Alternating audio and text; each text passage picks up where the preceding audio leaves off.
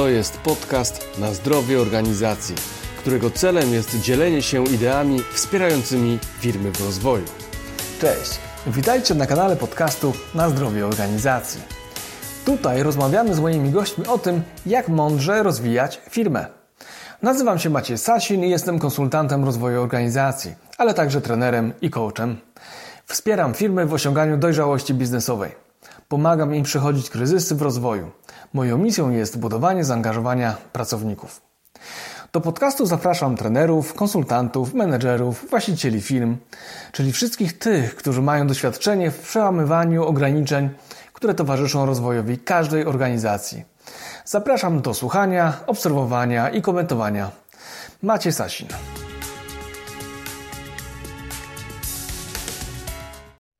Zapraszam do odsłuchania czwartego odcinka podcastu na zdrowie organizacji. Tym razem ze Zbyszkiem Heringiem rozmawiamy o bardzo ważnych kwestiach dotyczących roli i właściciela i menedżera, o cieniach i blaskach mm, w tej e, roli zarządczej, e, o tym, jak koncentrować się i być uważnym. Mm, podważamy tutaj mit wielozadaniowości w pracy. Mówimy o tym, jak istotne jest prowadzenie dialogu pomiędzy pracownikami a menedżerami, a także poruszamy temat delegowania, e, temat mobbingu i różnorodności. Naprawdę rozmowa jest bardzo, bardzo wartościowa. Zapraszam do odsłuchania i do komentowania do dialogu po. Dobrego odbioru.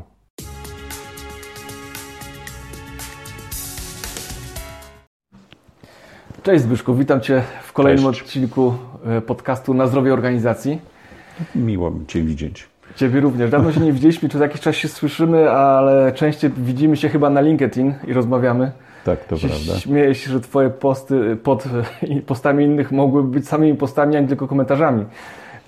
To bardzo ciekawy pomysł. Dlatego pamiętaj, że ja czekam na Twoją aktywność, bo bardzo ciekawe rzeczy piszesz, bardzo ciekawie komentujesz. No ale do rzeczy, bo ja mówię, że zaczynam rozmawiać, a tak naprawdę nie było okazji, żebyś się krótko przedstawił, więc poproszę Cię, żebyś e, powiedział, czym się zajmujesz na co dzień.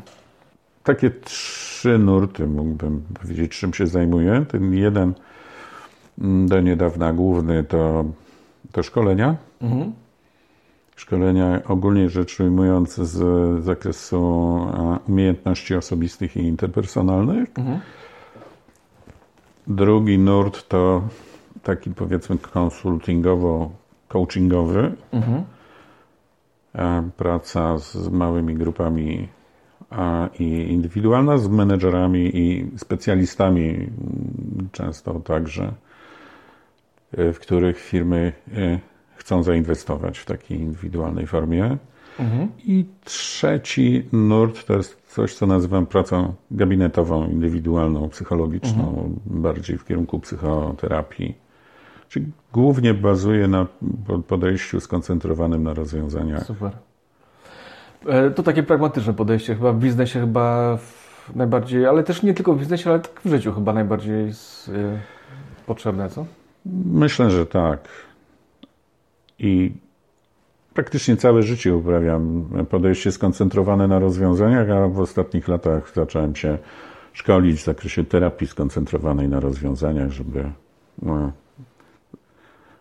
pracować w jakichś ramach i w jakimś, hmm. w jakimś modelu bardziej zdyscyplinowanej tak. formie.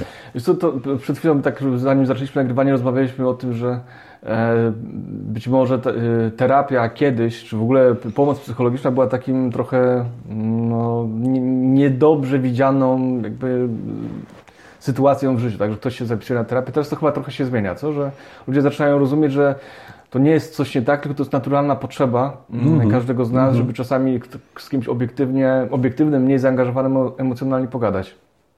Z kimś bezstronnym wolę to określenie mm -hmm. niż e, obiektywnym, bo myślę, że obiektywizm jest pewną ideą. Trudno go utrzymać e, w ramach, ale... Ale zdystansowanym, tak? Do...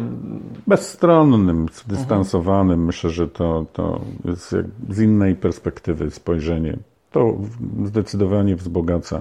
Sam też z tego korzystam w sensie superwizji, tak, czy kontaktów mhm. z taki peer-to-peer coaching. To jest niezbędna rzecz. Tak, ale co, no, ja jestem też wielkim fanem terapii i w ogóle wiele interesowałem się tym tematem. Sam, znaczy terapii, no jakby... Pomocy psychologicznej. Dla, dla mnie, ja to, ja to nawet nie nazywam terapią, tylko dla mnie to jest element rozwoju osobistego. Tak, mhm. z, osobistego. I jakby czy ktoś pracuje z coachem, czy ktoś pracuje z terapeutą, czy ktoś pracuje z mentorem, to mhm. zawsze jest rozwój, tylko trochę w, inny, w innych sytuacjach. I ja myślę, że tego nie powinniśmy się o, o, obawiać i powinniśmy być otwarci na, różną, na, na, na różne formy pomocy. Jak najbardziej. Myślę, że szybkość i pewna powierzchowność kontaktów e, naszych codziennych mhm. E, sprawia, że coraz rzadziej mamy okazję do, do takich sensownych rozmów, pogłębionych, mhm. bliskich. E, z tą bliskością i zaufaniem wielu ludzi ma, ma kłopoty. Stąd też taki wątek, który rozwijam i nazwałem sobie samotnością menedżera, mhm. czy szkic artykułu. Szczyta, a, propos, a propos postów, no to mam szkic zrobiony i dopingujesz mnie do tego, żeby go dokończyć i zamieścić, czyli komu się zwierza menedżer.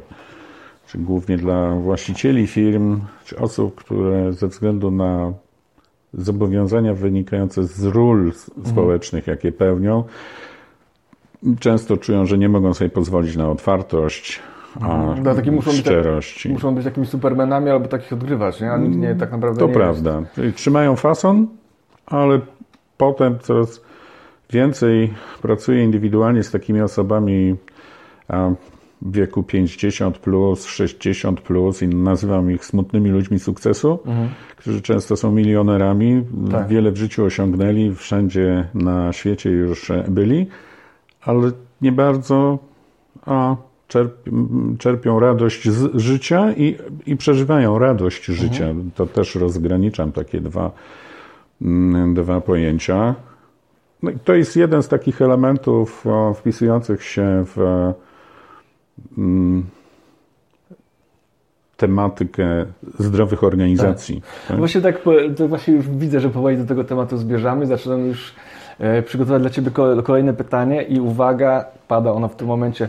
E, słuchaj, jaka jest Twoja definicja zdrowej organizacji? Bo z wieloma się spotykasz na co dzień, spotykałeś się przez lata, a z racji swojego doświadczenia na pewno masz gdzieś swoje takie papierki lakmusowe, które przykładasz do organizacji i mówisz, tak, tu jest ok, a tutaj trzeba byłoby coś zmienić, popracować, uzdrowić. Mhm. Czy zachęcam ludzi, jak pracuję z ludźmi na różnych szczeblach organizacyjnych, czy od właścicieli, prezesów, członków zarządu do wykonawców, pracowników e, i operatorów. I co zresztą bardzo lubię, szczególnie z tym, z tym e, tak zwanym niższym szczeblem zarządzania, czy z brygadzistami i mistrzami, trochę zaniedbanymi od tej strony przez organizację, a na szczęście coraz bardziej się ich docenia. Mhm. A staram się nie koncentrować na problemach, tylko na rozwiązaniach. To jest takie podejście do, do zdrowia mm, trochę inne niż to, które dotąd także w tych metaforach organizacji jako organizmu mhm. um, zwycięża, czy staje się bardziej popularne, czy nie szukamy choroby, czy zdrowie to nie jest brak choroby, brak mhm. zaburzeń, a zdrowie to jest coś, co umożliwia sprawne funkcjonowanie w otoczeniu, w którym, mhm. środowisku, w którym żyjemy. Człowiek nie może funkcjonować poza jakimkolwiek środowiskiem i zawsze w tym kontekście trzeba go rozpatrywać. W związku z tym biopsychospołeczny model zdrowia, mhm. to myślę, że to jest to, nad czym warto e, się zastanawiać i skupianie się na, na rozwiązaniach, aczkolwiek ale takie popularne nurty w ostatnim czasie, przynajmniej w sensie publikacji, takie jak wellness w pracy, tak? well-being, e, jakość życia, dobrostan. Mhm. Są firmy, które idą w no, tę ale, stronę. Ale ja uważam, że to jest bardzo dobry kierunek. Wiesz, nawet oglądałem taki program na, e, o WSAP-ie, o WSAP-ie o Adidasie i słuchaj, oni w Niemczech wprowadzili mindfulness w ramach mhm. wspólnego praktykowania w ramach pracy, tak, że mają y, trenera od tego mindfulness, czyli praktyka uważności. E, ćwiczą taka medytacja, można powiedzieć, zachodnia, nie? Jeszcze mm -hmm. odczarowana, można powiedzieć, czy o, o, jakby no, taka no, zachodnia medytacja.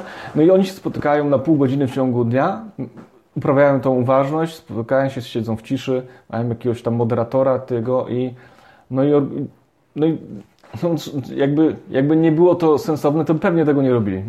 To daje możliwość wyciszenia, skoncentrowania się, ale także za, jest zaprzeczeniem moim zdaniem popularyzowanej w ostatnich dekadach, można powiedzieć, wielozadaniowości.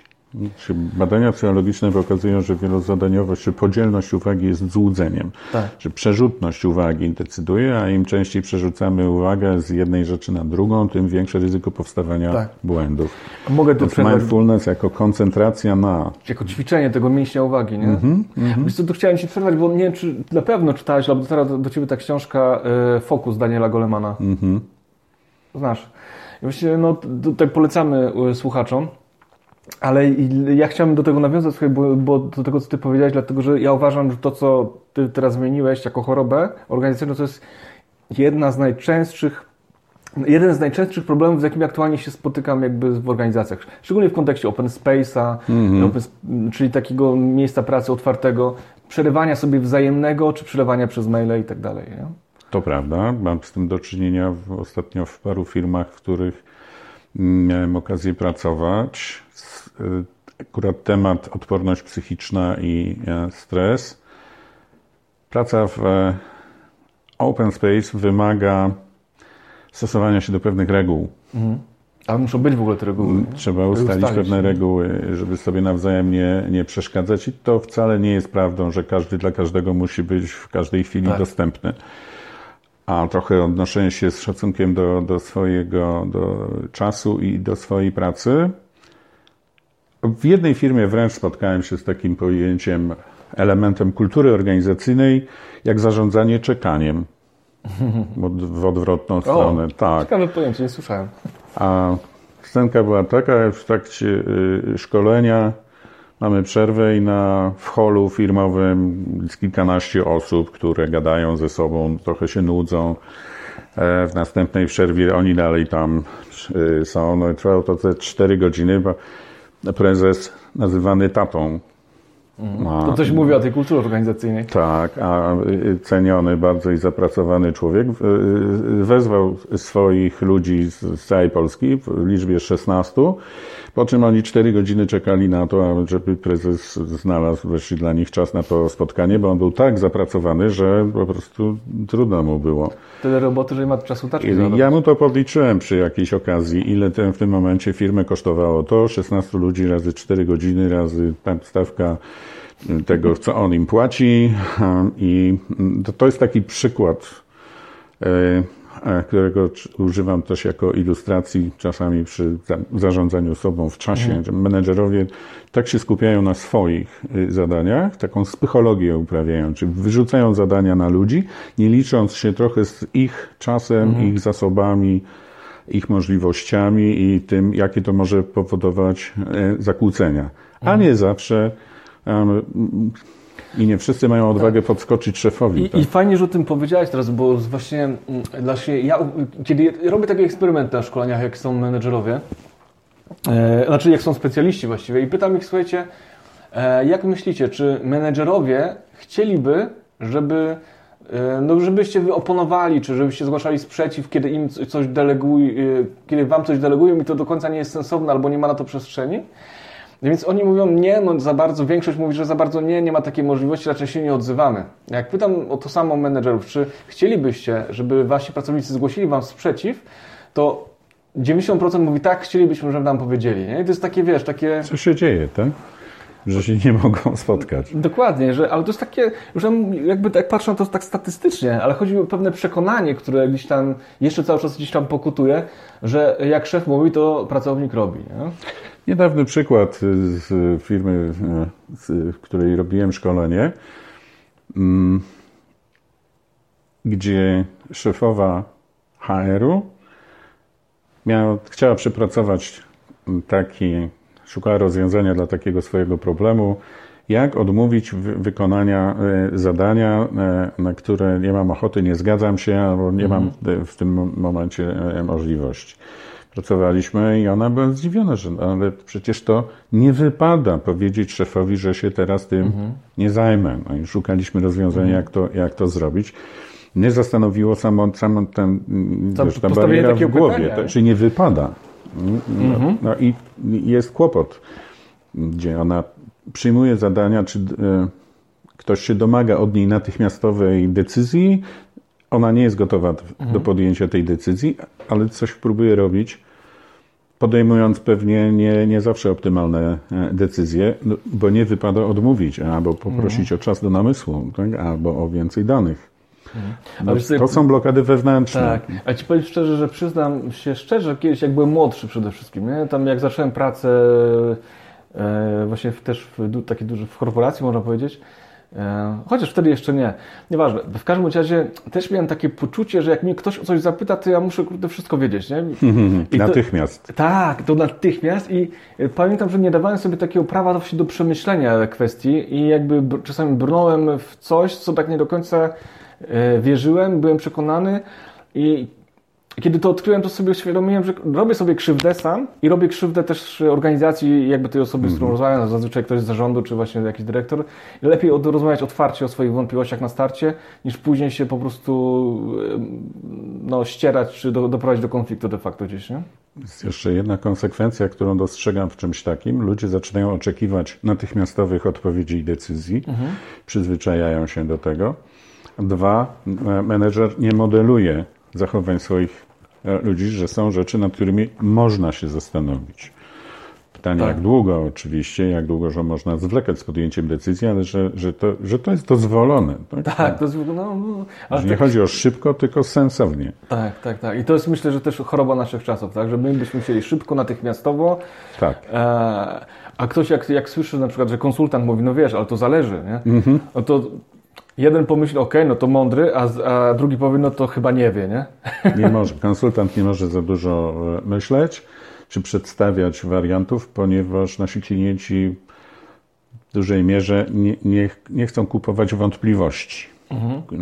Szukają pewności, potwierdzenia, dlatego a wizerunkowo konsultant, jeśli stawia w pierwszym rzędzie na, na swój wizerunek, no to proponuje coś, w co wydaje się, że wierzy i że tak to musi być. W psychologii już, już tak nie jest. A wiesz co, ludzie A. oczekują chyba tak trochę czasami. Znaczy, my, sorry, że tak kolokwialnie mówię, ale ludzie oczekiwali często takich porad, maksym, takich wiesz, takich trochę filozoficznych, takich, że tak hmm. jest i takiej pewności, a tego chyba, no niestety... W moim podejściu to, to nie ma miejsca na taką praktykę i, i takie instruowanie pytam czasem, jeśli klient szuka, czy chce usłyszeć, e, co ja o tym myślę i co ja bym zrobił na jego miejscu, i czasem chcę. Ale kiedy dodaję pytanie, jeśli ja ci powiem, co masz robić, to zrobisz to, no on odpowiada, no nie, nie wiem. nie, nie, nie, nie jestem zależy. pewien. To zależy. Więc to chyba nie o to chodzi. Bardziej, bardziej sensowne jest pomaganie w wypracowaniu rozwiązania, tej osobie, która wie, najwięcej wie na temat sytuacji samego siebie, zasobów, które ma do dyspozycji, relacji z innymi, um, wsparcia społecznego, tego otoczenia, które albo wspiera, albo blokuje ewentualne zmiany, to czasem jest tak, że jako ludzie z zewnątrz więcej dostrzegamy od mhm. razu. I bywa, że, że szefowie firmy są zdziwieni tym, a skąd pan to wie? Jesteś pan godzinę w firmie i tak. No, to jest właśnie magia. Tak, ja ostatnio miałem takie, takie zdarzenie z, z takim prezesem firmy, z którą pracuję już 6 lat.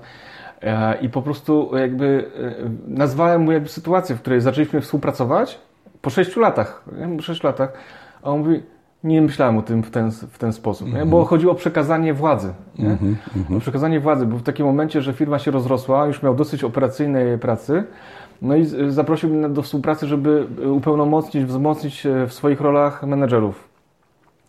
No i, I to jest zdrowy objaw. Tak, ale właśnie dla mnie to było takie w sumie oczywiste, ale jak ostatnio zaczęliśmy rozmawiać na imprezie integracyjną, którą właśnie zaprosił, właśnie wspomniał o tym i ja, ja mu wspomniałem o tym, po prostu nazwałem tę sytuację, bo dla mnie to była taka w sumie oczywista rzecz, to jest klątwa wiedzy, tak? A on mm. mówi, wiesz co, nie myślałem w ten sposób. nie myślałem. To jest też takie ciekawe, nie? Że, że, mhm. że potrzebujemy czasami kogoś z zewnątrz, kto nas, y, nam pod, y, taką prawdę pokaże przed, przed oczami, bo ona dziś jest jakby ukryta, bo nie wiem, jesteśmy jak za blisko tego lasu, można powiedzieć. Albo nie? zdejmie jakąś zasłonę, tak? albo coś, o czym ludzie intuicyjnie wiedzą, że coś jest albo że coś nie gra, no. no, no, trzeba to im e, unaocznić. Zobacz, rozmawiamy niby o organizacji zdrowia, organizacji, ale mówimy cały czas o ludziach. Czy organizacja to są ludzie? Ja to tak. traktuję na serio. A jeśli zarządzający deklarują, że ludzie są najważniejszym elementem e, firmy, to też potem staram się tego trzymać. Punkt wyjścia to jest po co ludzie tworzą organizację, albo mhm. inaczej, po co ludzie się organizują. No jak, dla kasy? No, myślę, że po, po to, żeby realizować potrzeby i cele, których sami nie mogą, nie są w stanie, nie potrafią. Dzięki temu, że współdziałają z innymi i dzielą te zadania e, między siebie, tę pracę, która jest do wykonania, każdy osiąga swoje indywidualne korzyści. E, moim zdaniem cele organizacyjne, cele grupowe i cele indywidualne, one wszystkie, tak naprawdę realizowanie tego służy zaspokajaniu realizacji celów e, indywidualnych i potrzeb indywidualnych. Właściciele czerpią korzyści tak. z tego, że zainwestowali w to, co sami nie byliby w stanie. Jakby, e, na przykładzie takich firm rodzinnych, z którymi często tak, współpracuję. Mogę tak podsumować tylko, mhm. to, czyli jakby z, z, z, takim symptomem zdrowia organizacyjnego to, że ludzie na, wszystkim, na wszystkich szczeblach są gdzieś tak. tam zadowoleni, są swoich, ze swoich ról, ze swoich zadań. To jest pytanie, czy są zadowoleni. Czy to jest, mówię, że w kontekście zdrowia, tak? Że wtedy, mhm. wtedy organizacja jest zdrowa, kiedy no, ta satysfakcja jest i na tym poziomie najwyższym, tym średnim i tym najniższym. No myślę, że jakieś minimum przynajmniej satysfakcji. Um, bo nie chodzi tylko o, o znaczy, czy zdrowie organizacji, czy sprawność organizacji, może można by się zastanawiać, czy tego U, współdziałania. Oznaką zdrowia organizacji byłaby sprawność, nie? No, mm. To też jest jeden z symptomów, tego się nie da ukryć. Ale używając takiego abstraktu jak zdrowie organizacji, to zależy od, to od tego, jak ludzie działają, jak współdziałają ze sobą, zwłaszcza, jak wypełniają właśnie swoje, swoje role, czy jakie mają mm. wyobrażenie o tym, jak się powinni zachowywać jako szefowie, jako pracownicy, mhm. tak, współpracownicy, pełnimy wiele ról jednocześnie. Więc kultura organizacyjna. Nie? Coś, co się nazywa taką kulturą organizacyjną i, i, wytworami, to jest też kwestia języka, sposobu komunikowania się, mhm. E, zasad wypracowanych, wartości, e, tych związanych z pracą, ale też związanych z wzajemnymi relacjami. No i w tym takie cele, do których często e, realizowania pracownicy są a, przymuszani. Mhm. Sprzedają swoją pracę, ale wykonują pracę, która no, niekoniecznie jest ich marzeniem życia. Jak czytam różne publikacje na temat rób w życiu to, co lubisz, i to, to myślę sobie, ok, jest mnóstwo pracy, której, którą mało kto lubi, ale którą ktoś musi wykonać. Mhm. Ale to pokaż mi taką żeby... pracę, bo ja chętnie obalę ten stereotyp. No, jeśli szukasz kogoś, kto a, lubi swoją pracę, nie wiem, wstawanie o wpół do czwartej rano, żeby pojechać e, na zmianę do piekarni, żeby rano stamtąd wyszedł chleb, to pewnie znajdziesz jednego piekarza takiego, który to robi z pasją.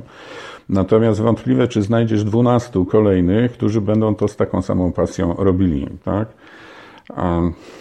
Tu mnie zaskoczyłeś trochę tym porównaniem, natomiast na pewno, znaczy, myślę, że wiesz, też trochę to jest tak, że jak się e, zatrudnisz jako wiesz, gdzie się zatrudniasz, no to później tak. musisz troszeczkę tańczyć, tak, w tym, w tym nurcie. Ale jeszcze tak, bo ja tak naprawdę pomyślałem o takich zawodach typu, wiesz, które nam się wydają tak niefajne, w większości mm. na przykład, nie? Chociaż ja start nie uważam, ale przykład, kelner, tak? No, mm -hmm. Ktoś, kto usługuje innym, no przecież są ludzie, którzy to uwielbiają i się dobrze w tym są czują. Są tacy, którzy to, to uwielbiają, a które są tacy, możemy dyskutować na temat proporcji, którzy pokazują ca, ca, cali sobą, że wykonują tę pracę za karę. To, no ale to właśnie znaczy, że nie do końca.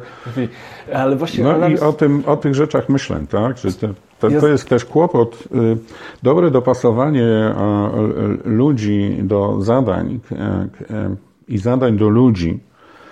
To też jest jeden z elementów sprawności organizacyjnej. Myślę też, że jeden z elementów takiego mm, zdrowia organizacyjnego. Tak. Czyli innymi słowy, jak dobrych ludzi zatrudnisz odpowiednich, którzy będą dobrze się czuli w tych rolach, to organizacja później będzie zdrowsza, tak? Bo Tak, czym jakby motywację wewnętrzną e, czerpiąc. Y, Zdarza się niestety i z takimi osobami pracuję w gabinecie, e, że są świetni i zaangażowani, na- natomiast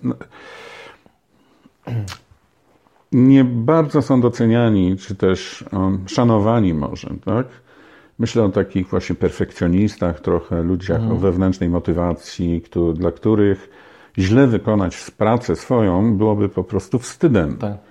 Taki rzemieślnik e, starego typu, nie? Rzemieślnik starego typu, ale myślę też o takich ludziach naprawdę, specjalistach, ludziach naprawdę zaangażowanych, także mm, wśród menedżerów takich, e, takich e, spotykam. A nie ma ze strony innych ludzi w organizacji odwzajemnienia. I oni są często przeciążeni. To, to jest, używam takiej metafory wielbłąda obładowywanego pierzem Tak.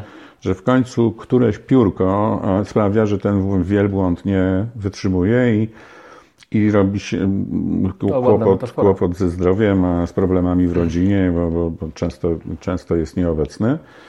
E, Używam takiego określenia e, barany ofiarne. Tak, W odróżnieniu od świętych krów w firmie, które mają masę przywilejów, a nie, nie bardzo z kolei w drugą stronę w, wkład e, taki swój wnoszą. Znaczy istnienie takich e, w cudzysłowie zwierzątek w firmie i- jest przejawem pewnych dysfunkcji. Mógłbym Tak. powiedzieć, że to no, za bardzo zdrowe to, to nie jest. Czyli to tak chodzi o taki symptom y, jakby niewyważonego, jakby mm, niewyważonych sił, tak? Że są osoby, które są tymi, no ja już to nazwę tam, koni pociągowymi, albo świętymi krowami, albo tymi ofiarnymi baranami, a i ta e, em, energia potrzebna mm, w organizacji nie jest wytwarzana równomiernie w każdym miejscu. To takie mocne określenie baran ofiarny, ale to inni się pukają w głowę często patrząc na ty, co ty to robisz i po co i co z tego masz. To są też często w, e, w domu, w małżeństwie wypominki dotyczące tego. Ciągle jesteś w pracy, ciągle cię e, nie ma, a nic z tego nie bardzo e, wynika. I no, to, to się potem przekłada na, na budowanie relacji. Pracowałem z takim małżeństwem e, w instytucji finansowej pracującym, dyrektor departamentu i e, analityk. I kłopot był taki, że, że pani nie potrafiła skończyć pracy o 16, czy za 5, czwarta, jeszcze zaczynała następne, bo chciała być w porządku wobec organizacji. Siedziała do 18, wracała do domu, była 19, była zmęczona, żeby się zająć dziećmi, no, nie miała sił i czasu już dla swojego Cierpliwości. małżonka. E, On się zajmował grami komputerowymi i tak spędzali Razem, ale osobno. razem, ale osobno, gdzieś się zaczęli e, rozmijać. No, no. Okazało się, że można powiedzieć szefowej nie, wyjść o 16, nic się nie zawaliło, nie, nie została zwolniona z pracy, ani Tak, tak. nie Czyli- popsuła sobie stosunków z szefową, a zyskała. Ja myślę, co, że perfekcjonizm, jaki który tu przywołałeś, jest częstą chorobą też, ale nie tylko na, na, wśród specjalistów, ale też wśród właścicieli. Nie? Że oni tak Zgadza się. mają taką potrzebę i do, dopilnowania wszystkiego i takiego mm, brania na siebie za, jak ten wielbłąd właśnie dużo i to, i to jest chyba sztuka, której muszą się nauczyć, nie? żeby trochę oddać tego pierza. To jest kwestia też syndromu człowieka niezastąpionego. Tak. Niektórzy sobie budują, zawłaszczają jakąś wiedzę i wchodzimy co zamiast wielozadaniowości albo z wielozadaniowość w innym aspekcie, czyli zastępowalność. Tak. Żeby mieć ludzi, którzy na wypadek, kiedy kogoś nie ma, mogą wejść w te same zadania i podjąć e, pracę. Nad tym też pracuję z e, ludźmi w organizacjach. Mm, A to także w kontekście czegoś, co sprzyja zdrowiu, czyli żeby czas pracy był planowany łącznie z czasem odpoczynku i regeneracji. Tak. Spotykam człowieka bardzo zapracowanego, nie jeżdżę samochodem, więc w pociągach spotykam ludzi, którzy gdzieś na Śląsku e, założył jakąś kolejną swoją firmę, jeździł tam na parę dni co tydzień, teraz jedzie na parę mhm. dni w miesiącu, mm, bo to dobrze zadziałało. I rozmawiamy, a on mówi, no tak cztery dni byłem w, na Florydzie, cztery dni w Paragwaju, cztery dni, i ciągle to cztery mhm. dni, czyli na tyle się wyrywa z firmy, żeby odpocząć. Prawie wszędzie na świecie już był, że jeszcze Syberia mu tylko została mhm. praktycznie. Natomiast Badania pokazują, że 20-21 dni ciągłego urlopu pozwala się zresetować i nie ma wtedy telefonów, maili, tak? Czyli tak. zdrowa organizacja to jest taka, że ktoś wyjeżdża, nawet sam szef i się nic nie wali, tak? On to, to działa i ludzie pracują. I to przypomina tą moją osobistą historię, kiedy tam 5 lat temu zachorowałem, musiałem na półtorej roku się z firmy, że tak powiem, usunąć i widziałem po prostu, jak ludzie w oczach dojrzewają nie, do swoich ról i przejmują jakby mhm. moje obowiązki. E, I, i, I, dla mnie to było też taka duża, naprawdę duża lekcja i tak sobie pomyślałem, na, nagram jakiś na ten temat jakiś podcast, jak to jest, kiedy wiesz, kiedy no musisz jakby odsunąć się i, i to musi się toczyć bez ciebie. Tak. Tak, i pamiętam, że to było dla mnie takie wewnętrznie trudne doświadczenie, pomijając już jakby chorobę, tak, i zdrowie, jakby te wszystkie zdrowotne kwestie. E, natomiast e, e, tamto wydarzenie jakby na pewno było dla mnie inspiracją do, do, do wielkich zmian w sobie przede wszystkim. Nie mówiąc o chorobie, ale było sposobie też zarządzania.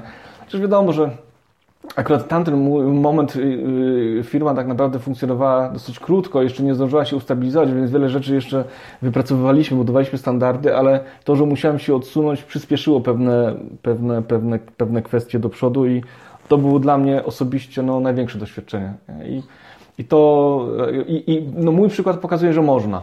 Że można, można, można się odsunąć i praktycznie na każdym etapie rozwoju firmy. Bo... No, trochę byłeś przymuszony, a trochę musiałeś się odważyć, jeśli firma miała dalej funkcjonować. Tak. Myślę, że to jest ten deficyt, coś, co można by nazwać taką. No, jesteśmy krajem o jednym z najniższych wskaźników zaufania społecznego w ogóle. W związku z tym ten problem e, zaufania jest istotny, żeby delegować, żeby usamodzielniać, to potrzebne e, jest to minimum zaufania. Kapitał taki można powiedzieć, tak, u nas że... w Polsce rzeczywiście brakuje. My chyba na jakichś wskaźnikach to mamy tam 30 punktów, a w Danii to jest 90, coś takiego, nie wiem czy dobrze kojarzę. Tak.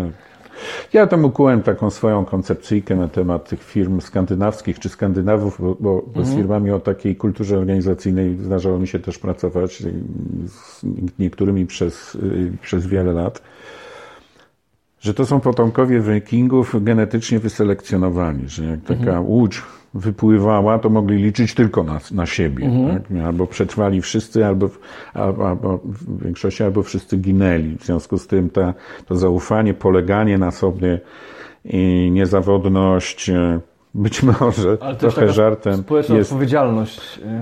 Za wspólnotę. Tak, to jest to coś, co nas różni i, i też w odróżnieniu od na przykład e, nie wiem, Japończyków, którzy doświadczają takiej emocji, która się nazywa amae, której podobno my nie doświadczamy, mhm. a która wynika z poczucia przynależności do wspólnoty i odpowiedzialności mhm. za wspólnotę, takiej służebności wspólnocie. Mhm. E, w związku z tym to. to nawet w gestach. Tak, nawet w tych gestach, okazywanie pokory um, i, i takiej, tak, co moglibyśmy nazwać pewną skromnością, szacunku. To, czego nam trochę brakuje. Tak, Więc to ale zdrowe... pokory trochę czasami chyba, co? Pokory, tak. To, czego nam trochę, myślę sobie, brakuje w organizacjach, to właśnie tej, tego budowania relacji opartych na, na szacunku. Ja też tak pojmuję asertywność na przykład, jako mhm. budowanie, zdolność budowania, umiejętność budowania relacji opartych na, e, na szacunku. To się, to co ze zdrową organizacją mi się kojarzy, to jest właśnie też e, to, jak organizacja radzi sobie z różnorodnością. Mhm. To w bardzo różnych e, obszarach. Nie mówię tylko o takich podejmowanych działaniach antydyskryminacyjnych mhm. ze względu na płeć, orientację tak. seksualną, tak, narodowość, a także różnice pokoleniowe. I, I to jest to, Ale, jak firma sobie przerwę, bo to jest radzi. ciekawe, ciekawe, co mówisz, ale tak właściwie chciałem się zapytać o Twoją refleksję. Czy nie masz trochę takiego wrażenia, że u nas te wszystkie działania takie antymobbingowe czy dyskryminacyjne no są tylko trochę tak, bo trzeba, bo na papierze, bo to nie, nie idzie za tym prawdziwa jakby wartość, ten, e, właśnie ten szacunek i to partnerstwo, do którego powinniśmy dążyć. Jak jest Twoja Jeśli ktoś zarządza firmą w ten sposób, że jakby róbcie co chcecie, byle kasa była i na tych niższych szczeblach zarządzania mamy autokratów, agresywnych, nawet psychopatów, e, o zaburzonej uczuciowości, wyższym e, instrumentalnym podejściu do ludzi, takim narcystycznie skupionych na, na sobie i obniżonym poziomie lęku społecznego, tak? czyli moralność, odrzucenie społeczne, dezaprobata, to dla nich nic nie znaczy. O tym chyba nagramy kiedyś odcinek specjalny, taki, Tak. bo to jest y, war, Oni są skuteczni w zadaniowo, jeśli ich cele e, e, dają się realizować przez realizowanie celów e, firmy, a tak często się, no i to są ci, którzy mm, aby kompensują sobie poczuciem władzy to, jak instrumentalnie, agresywnie traktują innych, no to, to, to wtedy robi się pewien problem, czyli tolerowanie mobbingu, udawanie, że nic się nie dzieje, I oraz taka postawa ręka rękę myje trochę, tak? Trochę tak. No i jest I no, łatwiej, krowy. z, święte krowy, łatwiej jest zwolnić pracownicę e, z produkcji niż e, tego dyrektora produkcji. Tak? Mhm. No, To, to jest oczywista rzecz. I są firmy, to jest ustawowo jest zobowiązane, które tego nie robią. Dopiero jak się coś okaże w jednej z dużych naszych firm w branży sprzętu, e, znaczy AGD, Problem y, się ruszył dopiero, kiedy pracownica podjęła próbę samobójczą, tak? tak, czy, no czy to doszło jest- do samobójstwa nawet. To wtedy się z, zaczęła akcja e, edukacyjna. To nie jest taka prosta rzecz ze zdrowiem organizacji, bo jeśli wziąć raport EZO z 2014 To, roku, znaczy, przepraszam, bo, bo pewnie to wiele osób kojarzy. Ja słyszałem jednak, bo moja znajoma y, była wcześniej w tej organizacji, ona wdrażała politykę antymobbingową, czyli ona No. tam musiała być już wcześniej, mimo po, po tym... na papierze, jak mówisz, prawdopodobnie wszystko się zgadza, ale to, co się między ludźmi dzieje tak naprawdę. Mamy, mamy politykę jakości, mamy różne rzeczy, a czy to funkcjonuje, jest realne, czy tylko mm, to mamy te certyfikaty i wszystko jest, w- jest w porządku. Dlaczego to jest takie ważne? No, dlatego, że na przykład ten raport EZOP o zdrowiu e, Polaków z 2014 roku pokazuje, że niemal jedna czwarta ludzi w wieku produkcyjnym między- między 18 i 64 przynajmniej raz w życiu doświadcza jakichś zaburzeń zachowania, ma zaburzenia osobowości albo chorobę psychiczną. Doświadcza czegoś takiego, tak? A w związku z tym wśród nas jest mnóstwo osób, które ra, jakoś radzą sobie ze swoimi problemami e, psychospołecznymi, relacyjnymi, emocjonalnymi i nakładanie na nich dodatkowego obciążenia i źródła stresu, tak, może spowodować, że coś złego się zacznie dziać. Tak? Więc Też szacunek w takim kontekście. Co, ale tak myślę sobie, wiesz co, że, że jakby każdy z nas, każdy człowiek w życiu, no życie jest tak długie, że musi spotkać się chociażby z tymi kryzysami kryzysu doświadcza. Eriksonowski- Tak. Eriksonowskimi, tak, że kryzysu etapów życia. E, No pierwszy kryzys, no ja jestem w kryzysie wieku średniego teraz, nie? Zaczynam podcast nagrywać. E, Kryzys środka życia bardziej Tak, powiedziałbym. tak, tak. No, czy kryzys środka życia, tak. Wcześniej był kryzys y, adolescencji, tak. Miałem 18-19 lat. Ja pamiętam ten kryzys, przechodziłem go i tak dalej. Później po studiach taki tożsamościowo e, zawodowy, tak. Co, w którą, co ty robisz w tym życiu, nie? Żeby się e, jakoś czuć dobrze, nie?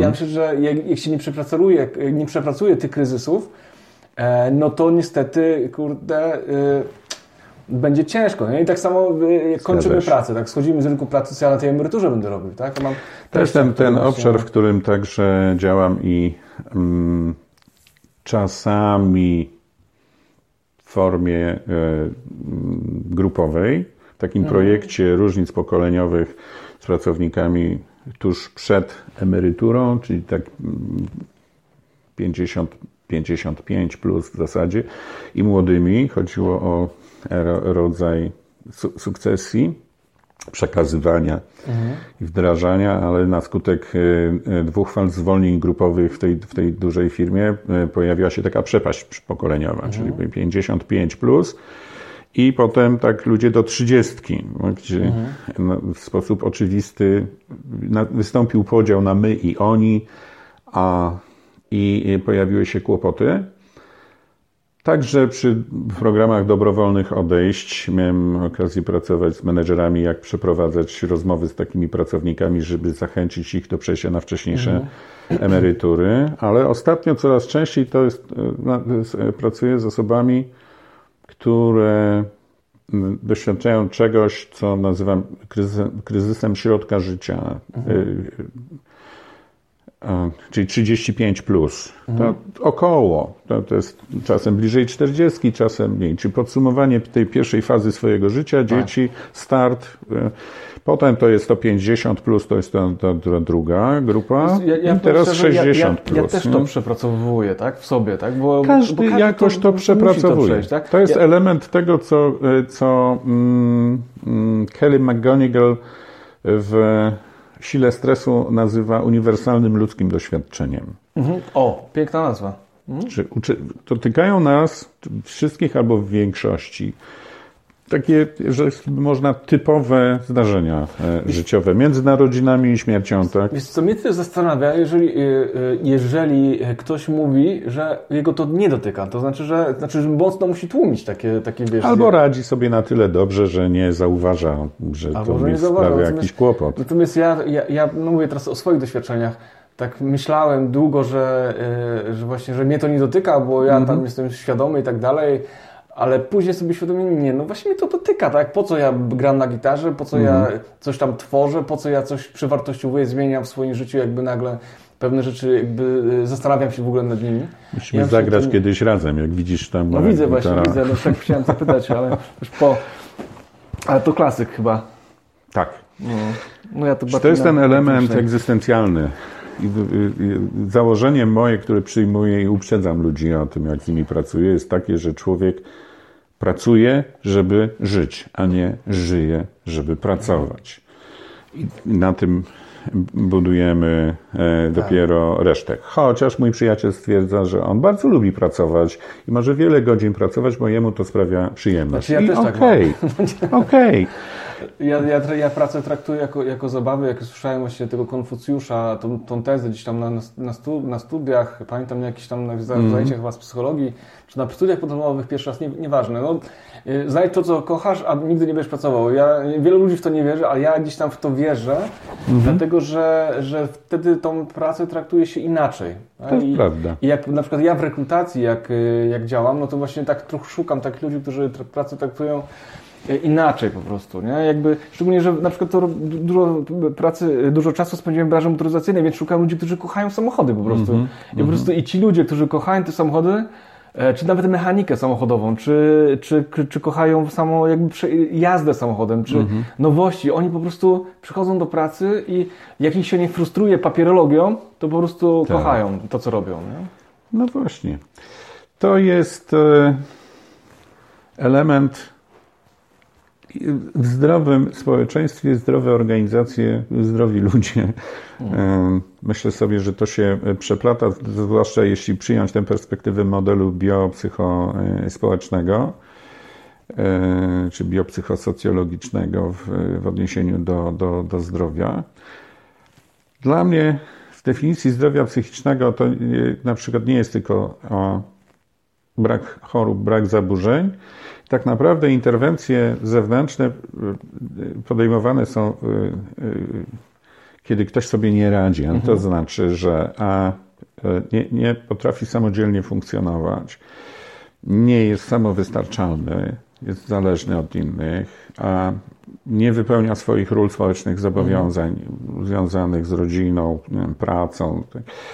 Stanowi zagrożenie dla siebie lub dla innych. Tak. tak? Czy firma, która nie niszczy swoich ludzi w jakikolwiek, nie eksploatuje ich, to jest ta, ta jedna rzecz, y, gdzie ludzie pełnią e, e, role zawodowe, role społeczne które są dobrze zdefiniowane i mieszczą się, się, się w tym. Firma, która jest potrafi być samodzielna i samowystarczalna, nawet jeśli działa w powiązaniach z innymi. Tu taką analogię mógłbym, mhm. okay, mógłbym tu zastosować. Natomiast trochę się daliśmy wkręcić i sami pracujemy na to, żeby z tym zdrowiem mieć kłopot. Ja używam takiego określenia wprowadzonego przez profesora Stanisława Kowalika, Mhm. Miałem z nim zajęcia chyba na, na, na psychologii. Mm, z pewnością. Spo, napisał, od społecznej chyba jest, Tak, e, psycholog społeczny. E, napisał książkę Uśpione społeczeństwo i tam rozwija takie pojęcie autoeksploatacji.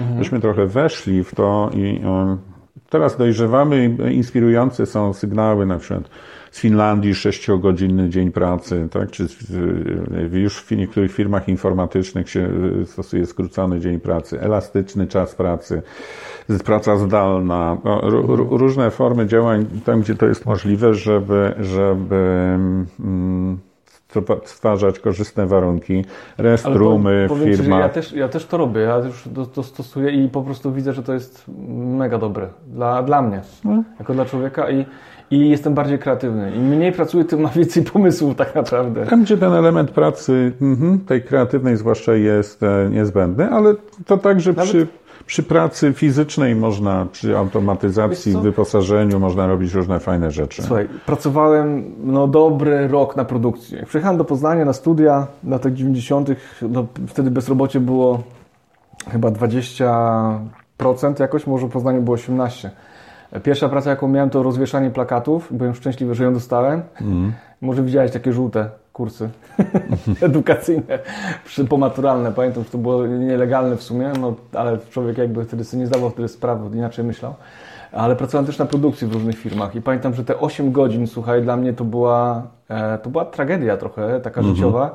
Bo ja tutaj, wiesz, na studia, socjologia, psychologia, zainteresowania, a tu nagle idę do pracy i robię coś, co jest po prostu mnie, po prostu wiesz, alienacja pracy. Ja Marksa przerabiam na studiach teraz, nie? Tam, mm -hmm. wiesz, mm -hmm. o alienacji pracy, a nagle ja siedzę w tej pracy, jestem wyalienowany, nie? Po prostu mm -hmm. to była dla mnie tragedia, e, ale, ale też taki bodziec do działania, mhm. bo ja tej pracy to nie lubię. Ale z drugiej strony poznałem tam ludzi, którzy, słuchaj, świetnie się w tym czuli i w ogóle lubili tą pracę i jakby e, i widzę po prostu, że oni sobie tam w, pracują, robią czynności mechaniczne, a w głowie sobie odpływają, myślą, marzą, planują. Kurczę, i to, i to też działa, nie? I to działa. I to naprawdę jest bardzo dziwnie, że swego czasu dużo pracowałem z nauczycielami. To takie pierwsze moje zdziwienie, co organizacja w cudzysłowie może zrobić z człowiekiem.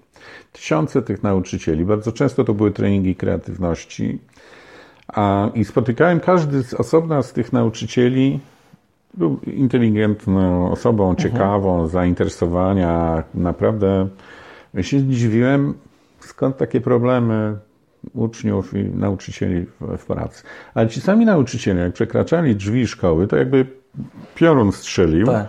Wchodzili w te swoje role, w te, w te, w te swoje mm, kostiumy i to już nie byli ci sami ludzi. Także w relacjach między sobą i, i, i z uczniami. Tak, Więc to, no, to, to jest, ta wzajemna, wzajemna presja, te niepisane reguły, tak, czy te osoby wpływu, które oddziałują, to, to operowanie aprobatą, dezaprobatą, tak, i e, w relacjach, także ten poziom relacyjny myślę sobie jest bardzo ważny. Stąd myślę sobie, że taka zdrowa organizacja dba o to, żeby integrować swoich ludzi, niekoniecznie przez integrację biesiadne, przez zabawę, przez, tylko tak. przez zabawę, ale w taki sposób, no, nazwałbym go psychologicznym, tak? że ludzie się lepiej poznają, mają okazję współdziałać w różnych okazjach, w ogóle Takie zobaczyć siebie. Na przykład?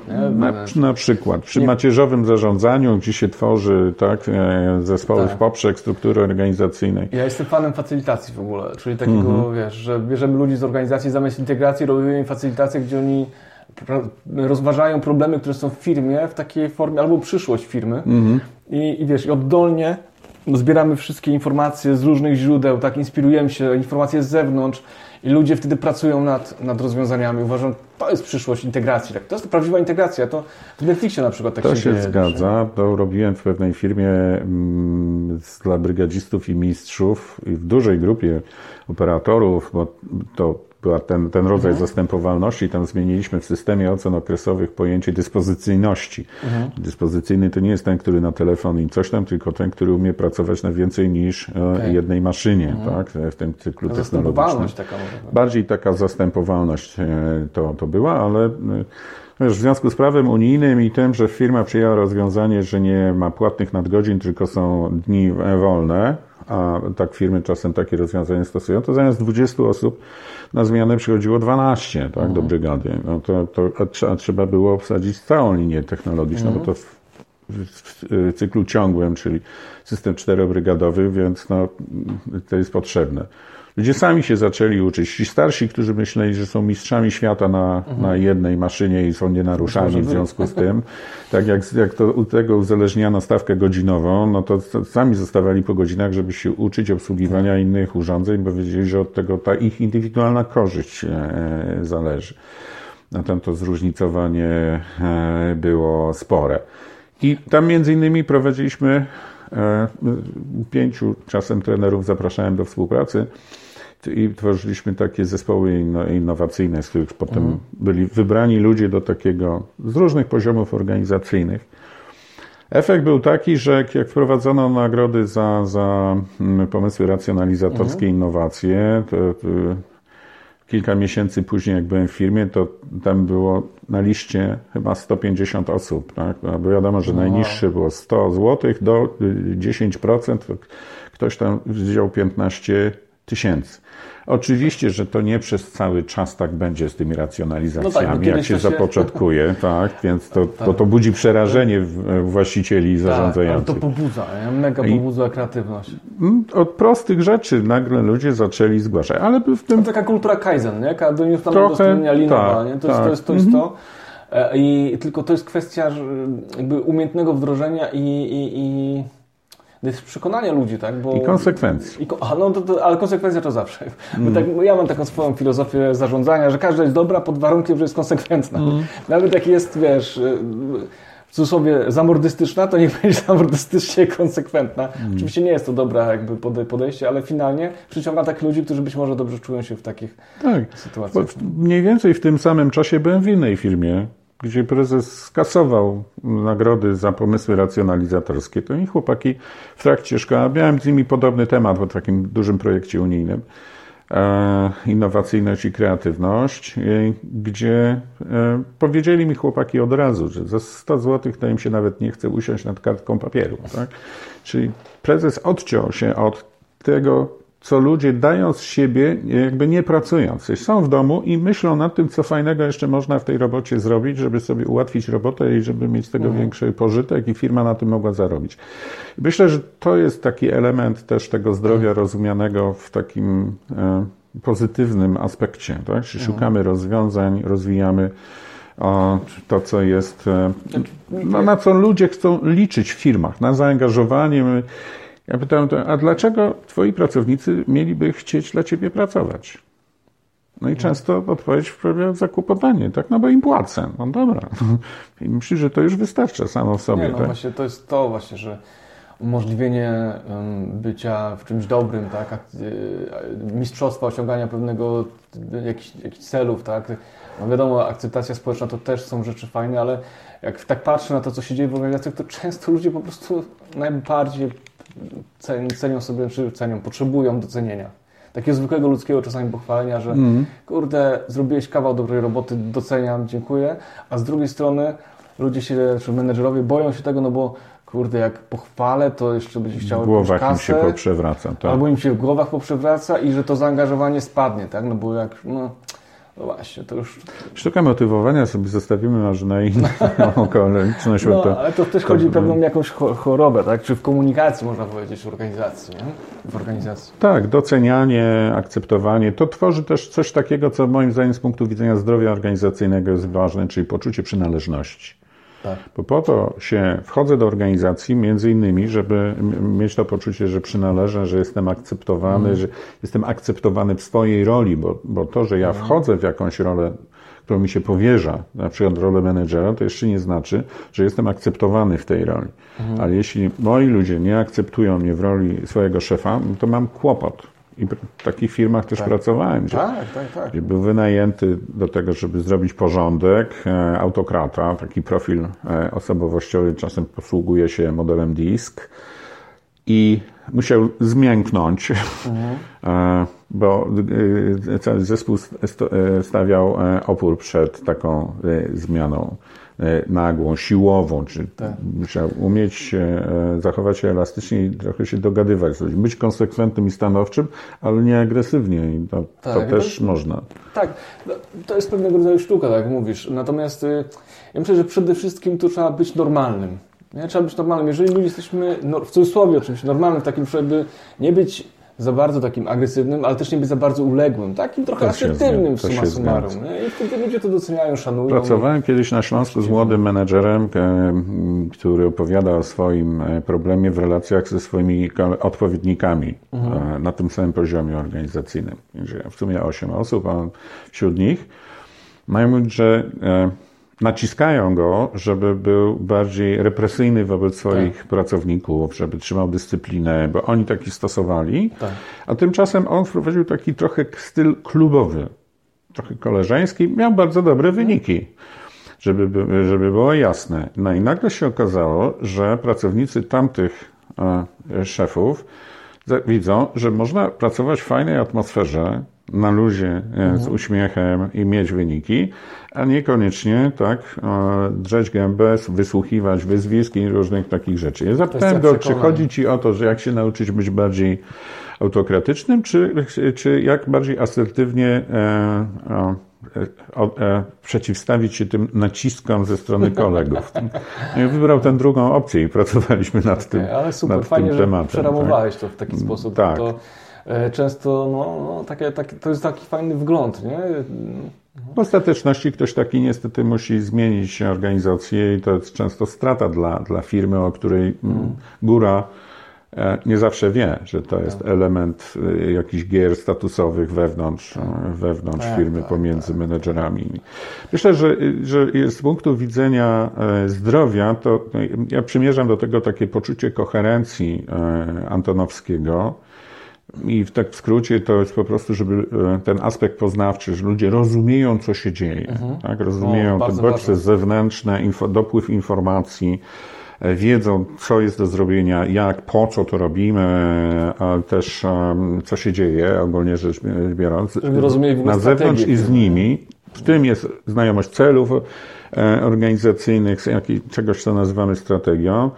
E, Dwa to jest e, poczucie e, posiadania zasobów, które pozwolą sprostać wymaganiom. Czyli coś, co czasem się tłumaczy jako zaradność. A, I trzecia rzecz to jest poczucie sensu. O, o tym tutaj przed chwilą rozmawialiśmy, tak? Że, że, że warto mi się tym e, w ogóle zajmować, tak? Warto mi być wśród tych ludzi, robić to, co, to, co mam do zrobienia, za co mi tutaj chcą płacić. I mm, to nie, nie, nie zawsze je, jest ok. Czasem te wymagania stawiane mm, pracownikom czy menedżerom kłócą się z ich wewnętrznym systemem wartości i sensem tego. Tak, ja taki nie chcę być. Z drugiej strony m, mamy ludzi po, takich mechanicznych konformistów, czy coś, co e, e, Adorno i Erich Fromm nazywali osobowością aut, auto, Autorytarną, e, tak, autorytarną. Czyli podatność na wpływy, identyfikowanie się z silniejszymi, tak. E, To są ci, którzy mówią, ja tylko wykonywałem rozkazy, Tak, tak. tak. I, I próbują wyprzedzać myśli szefa, żeby jak najbardziej się przypodobać. e, I na tym średnim szczeblu zarządzania niestety nie za dużo, ale takich Bywa. spotykam. tak. Nie, by- bywa, bywa. No, bo mów- mówię szczerze, jak jest, że, takich, takich osób powinniśmy troszeczkę się obawiać w organizacji, uważam. I y, za zasługi i za zasiedzenie w firmie często nie warto ich jednak awansować. Oni są świetnymi wykonawcami i trafiają na jakiś Mhm. szczebel e, średni, e, jakichś kierowników. Mogą być złymi zamordystami i Mogą tak być. naprawdę wąskim gardłem do rozwoju organizacji, Tak. przyczyną rotacji w zespole i całą, za wszystkie te choroby, które można by Mm, Sporo takich szkód emocjonalnych, zwłaszcza wyrządzają swoim ludziom, zniechęcają ich do pracy tak naprawdę. i przyczynia się to do zwiększania się e, fluktuacji, a z tym w tej chwili jest problem. Czyli zdrowa organizacja dla mnie to jest też taka, która umie utrzymać na niskim poziomie tak zwaną retencję pracowników, mhm. na wysokim poziomie retencję pracowników, tak. bo w takich projektach też pomagałem.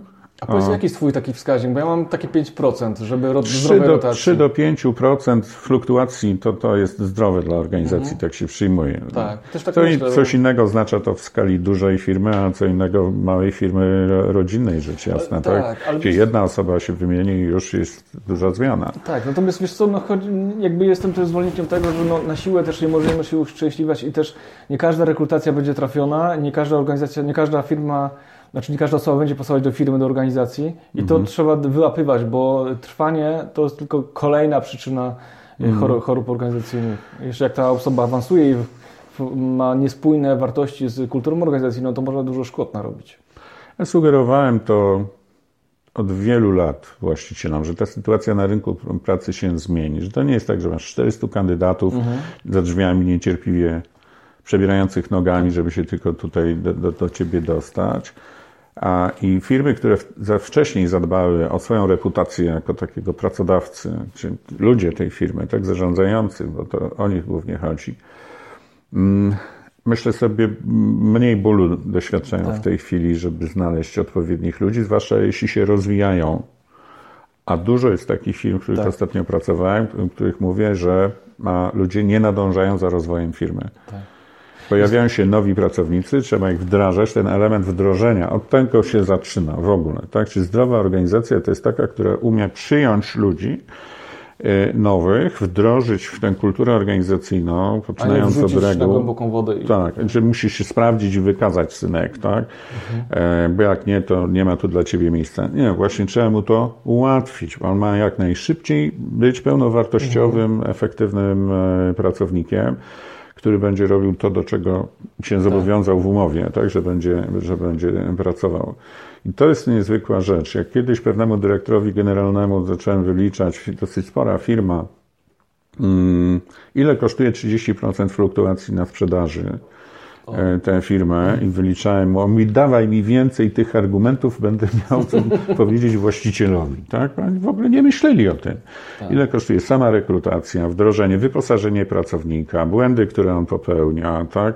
czas poświęcony innym, żeby go nauczyli, zorientowali, tak, wdrożyli do, do pracy. Już nie mówiąc o wyciekaniu informacji handlowych tak, przez ludzi odchodzących, o tym czarnym PR-ze na skutek tak. niewłaściwego traktowania i potem też wspierałem takie akcje firm PR-owych, od, odkręcanie takich tak. rzeczy. Bo tam... no, modny temat employer branding teraz, tak? I teraz tak. tutaj robimy marketing, ale jeżeli ktoś wpadnie za przeproszeniem z tego raju, który obiecuje właśnie ten employer mm -hmm. branding do mhm. rzeczywistości, nagle może się podrapać w głowę i Oszukali mnie. Czuje się oszukany, tak. tak. I jakby y, no, pieniądze trochę wyrzucone w błoto. Stracony czas. E, tak. Być może utracone inne ciekawe okazje, bo, bo taka decyzja. Także to, to jakby jest kwestia też okazywania sobie nawzajem szacunku. Myślę, że tak, że e, Nikt mi nie robi łaski, że mnie zatrudnia, ale ja też nie robię nikomu łaski, że dla niego pracuję. I, tak. i to musimy, musimy zrównoważyć i, i, i uzgodnić jakoś. Zbyszku, dużo już jakby e, powiedzieliśmy, a zbliżamy się do końca, a chciałbym Cię jeszcze zapytać, jako takie krótkie podsumowanie, jakie są Twoje takie dwie, trzy rady, które byś udzielił e, właścicielom firm, osobom zarządzającym, które pomogłyby im zbudować zdrową organizację, czy uzdrowić tą, w której aktualnie są? Mhm. Z Twojego doświadczenia oczywiście. Co rekomendujesz? Pierwsza rzecz, która mi się nasuwa, to mm, czego nie robić, czyli nie dostarczać ludziom swoim niepotrzebnych stresów, mhm. zbędnych, tak? czyli wprowadzanie nerwowej atmosfery, Mm. Czyli chronić ludzi trochę przed takimi. Przed tą zbędną. Oni mają dość stresu związanego ze swoją codzienną pracą, tak, z tymi e, wydarzeniami, które mają miejsce, nie mówiąc już o tym, e, co w życiu prywatnym się może zdarzyć. E, to prawda, w jednej takiej dość dużej firmie spotkałem się z kimś takim, to nazywany mężem zaufania, do którego każdy mhm. pracownik mógł okay. pójść i się zwierzyć ze swoich kłopotów e, zdrowotnych, Fajne, tak, i, fajna... i, wtedy on mhm. przekierowywał ewentualnie gdzie trzeba, czy na mhm. psychoterapię, czy na badania medyczne, czy jakieś inne, inne mhm. rzeczy, także mógł pójść poskarżyć się na swojego szefa, jeśli był niewłaściwie traktowany. Taki rzecznik trochę można powiedzieć, rzecznik Taki Trochę jakby rzecznik. Tam się to nazywało mąż. Nie, nie, nie, nie. To się nazywało tam mąż zaufania, to był akurat mężczyzna, a pewnie gdyby była kobieta, mogłaby się nazywać żoną zaufania. Albo kobietą zaufania. Albo kobietą zaufania. A, więc to, to tylko raz spotkałem. Natomiast fajnie jest, kiedy rozmawia się z ludźmi, to my menedżerom polega. Moim zdaniem zarządzanie ludźmi polega na kilku prostych rzeczach. Tak? Po pierwsze rozmawianie, po drugie rozmawianie, po trzecie rozmawianie z mhm. ludźmi, po czwarte podejmowanie decyzji. Tak? E, są to też mnie zaskoczyłeś z tym czwartym. Propaguje. No, na końcu jest podjęcie decyzji, ona może być wypracowana we współ, wspólnie, natomiast menedżerowie to tak naprawdę mają do, do, do zrobienia. Mhm. Jeśli menedżer bierze się za wykonywanie zadań, to robi sabotaż, bo wykonuje pracę, którą mógł wykonać ktoś inny za mniejsze pieniądze, tak? E, które firma mu wypłaca, więc to jest marnowanie środków. E, jeśli rozmawiamy z ludźmi, to jesteśmy w stanie też wyłowić, co się dzieje. Co mhm. dzień ludzie przychodzą w innym nastroju, w innym stanie psychofizycznym, co innego się dzieje w, w, w rodzinie, czy w sąsiedztwie, czy w jego środowisku, w którym, w którym, w którym żyje. To nie jest tak, że, że ludzie przychodzą, zamykają drzwi i to jest, jest właśnie, tylko praca. To jest właśnie to, że kiedyś mówiło, że no możesz za drzwiami firmy zostawić dom, a wychodząc z firmy zostawiasz mm -hmm. pracę. To jest chyba nie do końca prawda, nie wierzę też w to. To jest bardzo dlatego, duża umiejętność, żeby to tak umieć robić. Człowiek jest całością jakby te, te, te dwie sfery są na tyle ważne w życiu, a praca mm -hmm. to jest mm -hmm. tak naprawdę jedna trzecia naszego życia już tego dorosłego, że nie da się tak do końca e, odciąć tak, od tego. O tym myślisz, nawet jeżeli to jest praca prosta nawet. Nie? Tak. I są tacy, którzy cierpią na nerwice niedzieli, czy jak mają wolne, to nie wiedzą, co ze sobą zrobić, bo są pracocholikami, są tacy mhm. zaangażowani. Lubią, lubią działać. Nie? Ale z drugiej strony ostatnio pracuję z takimi osobami indywidualnie, paroma, czy mają tak zwany e, syndrom e, Blue Monday, czyli taki smutku, tak. że on już w niedzielę zaczyna e, mielić, co go jutro, i to go niepokoi, denerwuje, mhm. co w, jutro w pracy go tam e, spotka i co, tak. go, co go czeka. Taka nie niechęć do pójścia do pracy w poniedziałek, tak, z różnych przyczyn związanych. Fajnie byłoby więc dbać o to, żeby rozmawiać, żeby, mm. żeby te przepływy były. A to, co już nie mówię o tych elementach zdrowia fizycznego, mhm. tak, czy bezpieczeństwo pracy, ergonomia, różne rzeczy, co, co możemy zrobić, żeby, żeby ułatwić ludziom wykonywanie pracy. Mhm. Jasne cele i jasne reguły, to, to jest ważne. Jasne. Tak, to jest kluczowe chyba. Ja robiłem badania w, w paru firmach jakiś czas temu. Byłem zdumiony, jak wysoko pracownicy wśród cech cenionego szefa wymienili szefa wymagającego ale to było skorelowane z cechą sprawiedliwy. Tak? ale tak, a powiem Ci, że to mnie trochę nie zaskoczyło, to, bo ja sobie do nauczycieli też chciałem powołać. Jak mm. przywołam sobie swoich nauczycieli, którzy dobrze, lub, dobrze mnie uczyli do, i dobrze ich wspominam, to nie byli ci, którzy byli lightowi, tylko ci, którzy byli wymagający, ale sprawiedliwi właśnie. I, tak jest. I było jasne, robisz to, dostajesz to, nie robisz tego, masz to. Był wymagający i on mógł być y, kosą, można było na niego narzekać, trzeba się uczyć, ale, ale no, były efekty. Najgorzej jest właśnie z takim nauczycielem, który, który był, nie wiedział o co mu chodzi, raz mówi to, raz mówi tamto, raz był plus, raz nie było plusa, raz był. Pewnie to dziś jest taka potrzeba, jak mówimy o tym takim naszym doświadczeniu jako, mm -hmm. jako ogólnoludzkim, nie? o którym przywołałeś wcześniej, to właśnie chyba to jest to uniwersalne doświadczenie. Czyli nie agresywnie, no stanowczość, tak, tak zdecydowanie tak. to się opiera na jasnych regułach. Ja będę za to, tak, będę a, oceniał. Tak. Czyli coś, co się nazywa ekspoze szefa, też jakby tak ustalenie ram współpracy, reguły, e, jasne zasady uzgodnione, bo nie narzucone. Uzgodnione. To właśnie cieszę się, że to wspomniałeś, bo właśnie to nie chodzi o to, żeby narzucić, tylko żeby je wspólnie tam Tak, to ma wtedy większy, większy y, sens. I to integrowanie ludzi, a także w pracy. Moje zdumienie budzi to, jak mało menedżerowie używają takich narzędzi jak krótkie, kilkuminutowe odprawy ze swoimi ludźmi. Tak? Tak. 8 minut, 5, czasem naprawdę jest niewiele do, do powiedzenia, zwyczajna produkcji. ale się spotyka, na produkcji jest to łatwo Tak, albo zrobić. w serwisach samochodowych u nas e, panowie sobie wdrożyli właśnie taki właśnie te 5 minut. Mhm. Przychodzili, Oni przychodzili wcześniej do pracy po to, żeby przekazać sobie kluczowe informacje, Mhm. wdrożyć się e, i żeby nie było później telefonów po pracy, żeby nie było Mhm. takiego dys, dys, dysorganizacji i braku, no żeby tą komunikację sprawić. I sami to wypracowali, jakby nikt im tego nie narzucił. I jeszcze jedna rzecz, która mi przychodzi do głowy, to żeby brać się za nieporozumienia, zanim przerodzą się w poważne konflikty e, interpersonalne. Czyli Nieporozumienia, e, spory, e, konflikt jest czymś naturalnym i fajnie, że jest, on ma dużą energię, może z tego coś wyniknąć. Źle się dzieje, kiedyś staje się konfliktem e, opartym na emocjach, na wrogości, wzajemnej niechęci. Kiedyś, da- dawno temu, jest koniec szkolenia, godzina 19, pracuję z, z zarządem pewnej firmy i rundka na koniec i ktoś wrzuca, jak w slangu, te, takim trenerskim, e, przynajmniej w moim środowisku się nazywało, rzuca tak zwanego gluta. Czyli coś śmierdzącego, nieprzyjemnego, ale jest koniec, więc nie będzie czasu, żeby się tym zająć. No i główna księgowa w- wrzuca problem konfliktu z dyrektorem finansowym. Tak? E, Prezes mówi, ja to czułem. Ja się, e, no zapytałem wszystkich, czy się zgadzają, żeby przedłużyć. Mm, I do 23 pracowaliśmy. Najpierw byłem takim mediatorem, bo nie mogli ze sobą rozmawiać, bo sobie e, obrzucali nawzajem zarzutami różnymi i emocje się pojawiały. E, Więc tak zwana komunikacja po trójkącie. I okazało się, pół roku ze sobą nie rozmawiali. Dla mnie to jest nie do pomyślenia, żeby główna księgowa nie rozmawiała z dyrektorem finansowym przez pół roku. Tak, drzwi obok drzwi, tak? Poszło taki kompetencyjny w sumie, bo główny żal był taki, że dyrektor finansowy poprzednio był głównym księgowym i te pracownicy działu księgowego ciągle do niego chodziły z różnymi sprawami. I jego to wprawiało w bardzo dobre samopoczucie oczywiście, tak? A to- nie widział tego, co fajnie. robi tak naprawdę dla struktury i dla... Tak, i dla autorytetu e, swojej, swojej koleżanki e, z zarządu. No i to pociągnęło za sobą później różne inne, bo to zwykle Tak, no to jest taka efekt trochę kuli efekt śniegowej domina, nie, się albo, albo domina i udało się to e, rozwiązać. No, trochę to e, czasu za, e, zajęło, niemniej jednak jako przykład, bardzo często w firmach a, ludzie boją się otwierać konflikt, ujawniać, tak, brać się za niego, bo trochę sobie nie radzą.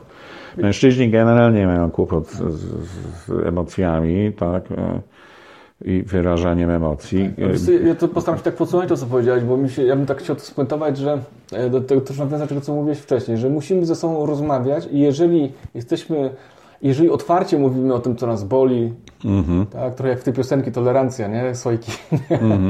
E, Dlaczego nie mówimy, o, nie mówimy o tym, co nas boli otwarcie, tak? To, ja uwielbiam tą, tą piosenkę i uwielbiam Sojkę, ale e, tego nam brakuje często w życiu e, i to jest jeden z symptomów zdrowia organizacyjnego jednocześnie. Myślę, że tak. I miejsce na emocje w biznesie to też zaczyna się do, doceniać. Pojawiają się takie propozycje także. To nie znaczy, żeby się kierować wyłącznie emocjami albo e, e, przestrzeń tam jakąś szczególną dla nich tworzyć, ale z- zauważać, że one są naprawdę ważne e, w naszym e, życiu i żeby je raczej wentylować niż potem nie stracić nad nimi e, kontrolę. Dokładnie.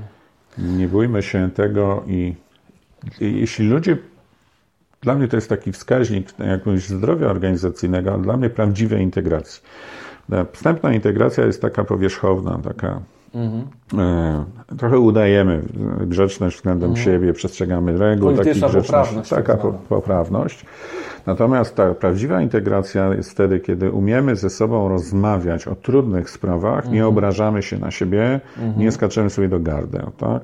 Tylko skupiamy się na rozwiązaniach, na rozwiązaniach tego, co mamy, bo przynależymy do jednej organizacji, gdyśmy tak umówiliśmy się ze sobą, że będziemy ze sobą współdziałać. Zbyszku, tak jak zaczęliśmy, zaczęliśmy od e, rozwiązań, od, od Twoich zainteresowań w kontekście terapeutycznym, czyli terapii, czy w ogóle coachingu skoncentrowanego na rozwiązania, tak żeśmy skończyli. Mm. Bardzo Ci dziękuję tak za ten wyszło. czas. Powiem Ci tylko tak, że najdłużej rozmawialiśmy ze wszystkich i tak czułem, że będzie, bo rozmowa mnie wciągnęła, Ciebie widzę też. Dziękuję Ci za to, że podzieliłeś się ze swoim doświadczeniem, swoją wiedzą. No i ja jestem pewien do usłyszenia. Bardzo też dziękuję Ci za rozmowę. Ja, co to wytnij coś. Nic nie będę wycinał.